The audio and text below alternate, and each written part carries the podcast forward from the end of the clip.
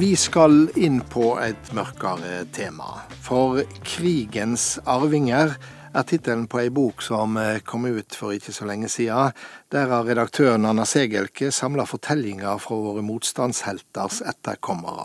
Nære portrett som ikke bare gjenkaller minnet om vågemot og bragder, men som også forteller om krigens pris, om uroer, urett, seinskader og mareritt, idealisme og skuffelser. Og en av disse de som har skrevet Eh, ei familiefortelling, det er du, Kristin Skogen Lund. Kjent for mange som NHOs frontfigur gjennom viktige år, nå skipsstedsjef. Velkommen hit. Tusen takk. Du skriver om far din, om Olav Skogen. Hvem var han? Han, var, eh, han kom fra Rjukan og var en eh, relativt ja, lavmælt, beskjeden person, vil jeg si i utgangspunktet, men veldig sterk, veldig trofast, veldig pliktoppfyllende, veldig hardtarbeidende.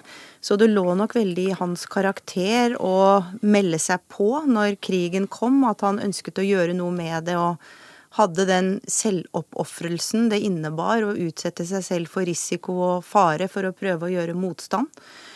Og så vil jeg si at han eh, en, hadde en veldig sånn eh, raus karakter i at han han var veldig lite fordømmende. Han var et veldig forsonende menneske, og det tror jeg hjalp han senere i livet med å klare å leve med det han hadde vært igjennom. Du nevner Rjukan, eh, der far din kom ifra, eller området rundt det. og Det er jo fristende å spørre hva i all verden er det med Rjukan og andre verdenskrig? Fordi at du har jo så mange lysende navn i vår krigshistorie som er knytta til Rjukan og Rjukan-distriktet. Einar Skinnaland, Klaus Hellberg, Jens Anton Paulsson, Knut Haugland, Halvor Rivrud og selvsagt Gunnar Sønsteby.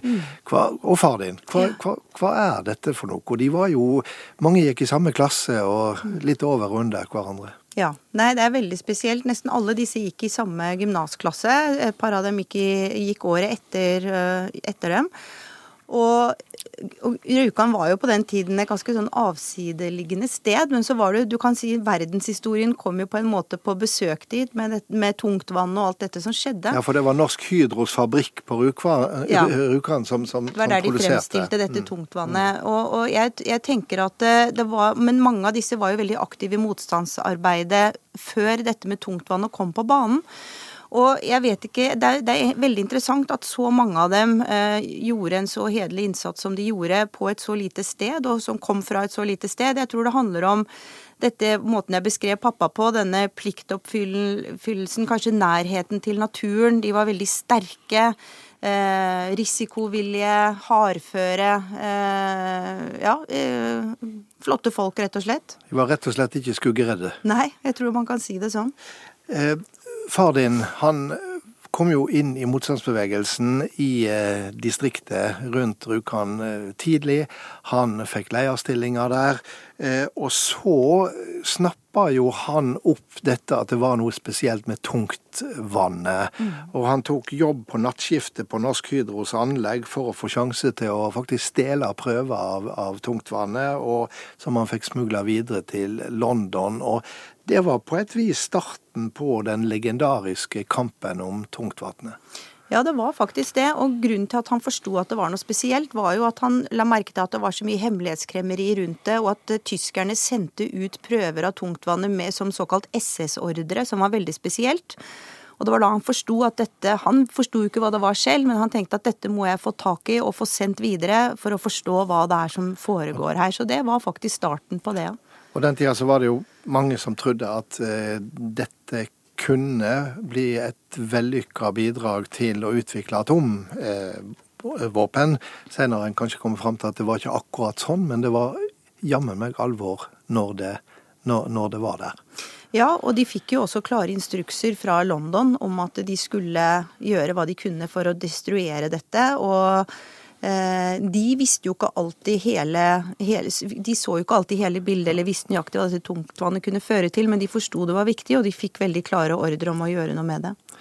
Far din han ble eh, røpa av en kurer som ble grusomt torturert, og, og uh, Olav Skogen ble, ble tatt og arrestert i jula 1942. det er riktig. Mm. Og da ble det dramatikk med en gang. Det vil si, det ble tortur med en gang. Ja.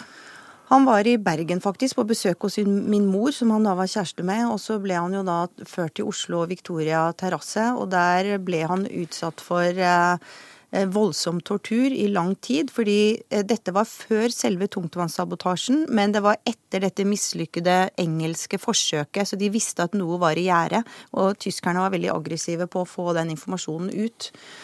Da, og da bestemte pappa seg den første natten han satt på cellen på Victoria terrasse, så hadde han jo sydd inn i jakken sin to giftpiller som han hadde fått fra Einar Skinneland, som hadde dem med fra England. Og avtalen var jo at hvis de ble tatt, så skulle de ta livet sitt, for de kunne ikke risikere å røpe andre navn eller blottlegge planlagte operasjoner.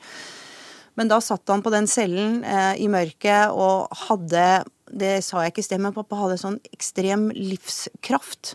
Og jeg kan nesten se for meg 25-åringen sitte der og tenke at nei, eh, dette er for jævlig. Jeg kan ikke avslutte livet på denne måten, og jeg kan ikke la dem få meg til å ta mitt liv. Så han gruset de giftpillene i gulvet.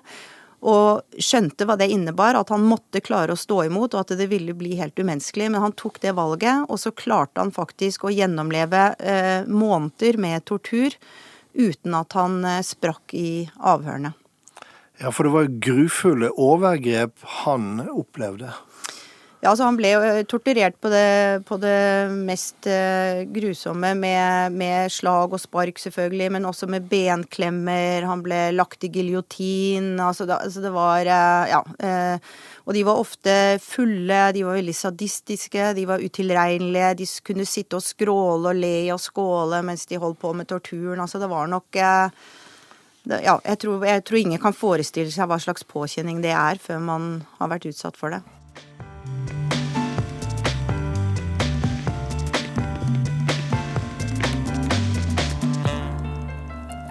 Det er en sterk historie, og du har skrevet de familiefortelling eh, om far din, eh, Olav Skogen, og hans eh, krigsskjebne i boka 'Krigens arvinger'. Og vi snakker om den torturen som han var utsatt for når han ble teken, og når disse avhørene er ferdig etter mange måneder, så blir han altså sendt til det verste leirsystemet blant, blant virkelig mange ildleirsystemer, leirsystemer, nemlig natt rundt Nebel-leirene. Eh, eh, Fange i natt og tåke. Han ble sendt til Nattsveiler. Ja. Mm. Han ble sendt dit sommeren 43, og så var han der i et uh, år cirka før Pga. de allierte fremrykningene så ble de forflyttet til Dachau. Og Natsweiler var jo en veldig tøff arbeidsleir hvor de jobbet i stenbruddet, og det ligger høyt opp. Det var fryktelig kaldt. Eh, så det var hardt fysisk arbeid koblet med veldig lite mat og utrolig kulde.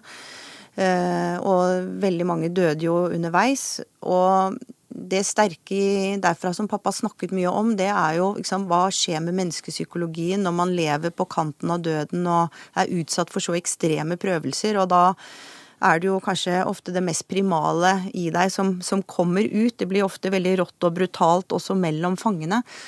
Men uh, der fant jeg liksom glede i å høre det han sa om at de norske hadde hatt kanskje en spesiell tillit seg imellom, som, som, gjorde at de ofte klarte å holde bedre sammen og ha større lojalitet med hverandre enn en del andre grupper klarte. Og dette med at de innimellom faktisk fant, eh, fant overskudd til å hjelpe hverandre, det, det, var noe fint oppi det hele. Det var jo mange som opplevde en veldig krevende overgang fra fangenskap til etterkrigshverdagen. Men far din, han, han greide den overgangen.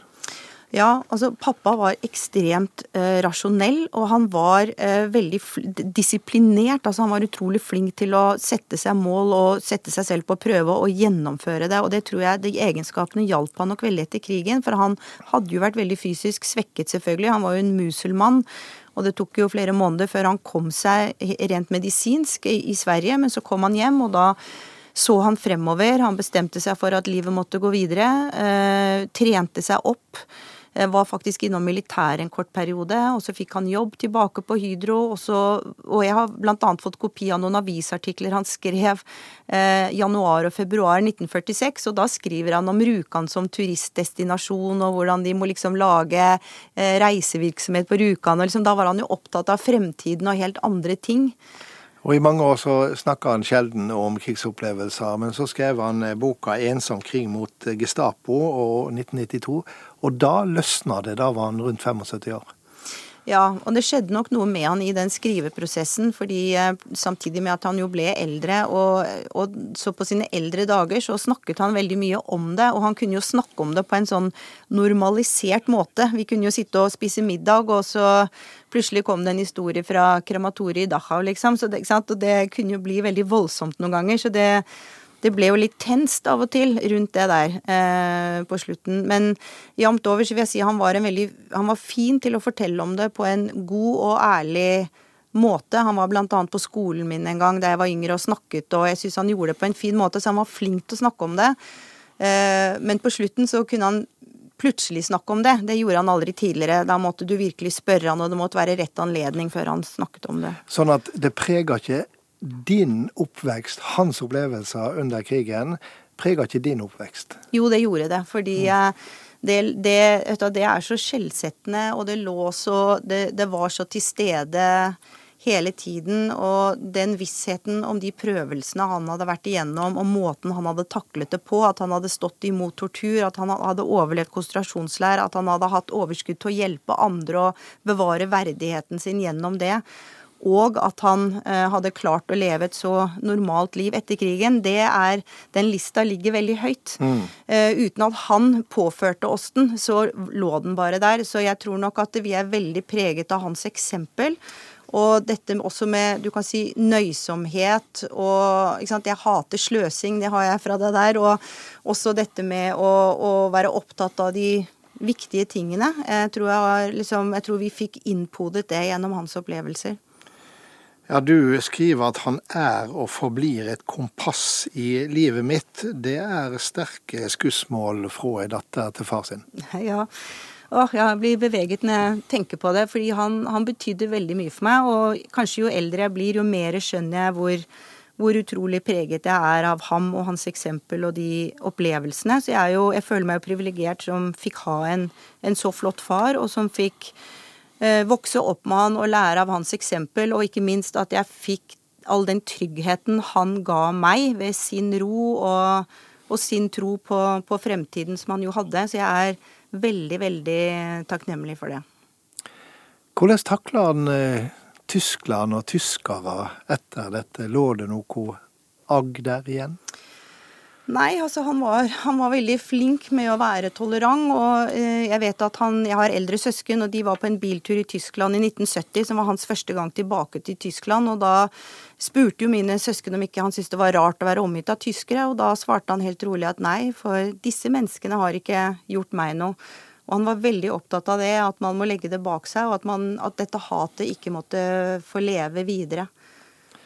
Men han kunne flytende tysk, men han snakka det ikke? Nei, det gjorde han ikke. Han, han var helt flytende tysk, men vi hørte aldri han si et tysk ord. Og selv da de var i Eller jeg, jeg var også i Tyskland med han senere, da snakket han konsekvent engelsk. Mange av oss er vokst opp med tidsvidde rundt oss, påminning om hvor mye som sto på spill. Nå er nesten alle borte. Hva gjør det med oss, Kristin Skogen Lund? Nei, Det er klart det begynner å bli lenge siden, og de aller fleste får etter hvert et fjernere forhold til det. Men jeg tror vi skal ta med oss den historien. Eh, aldri glemme at eh, vår frihet, den kan vi ikke ta for gitt.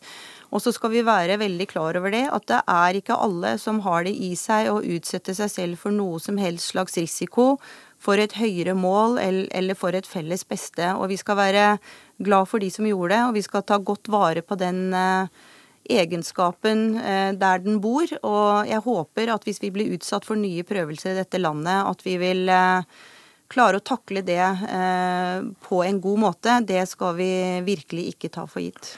Alt var sterkere i jula, blir det sagt. Hvordan var dette med far din og det han hadde opplevd? I hvordan vi feiret jul og sånn, mener du? Jeg tenker om det prega han ekstra i, i, i jula.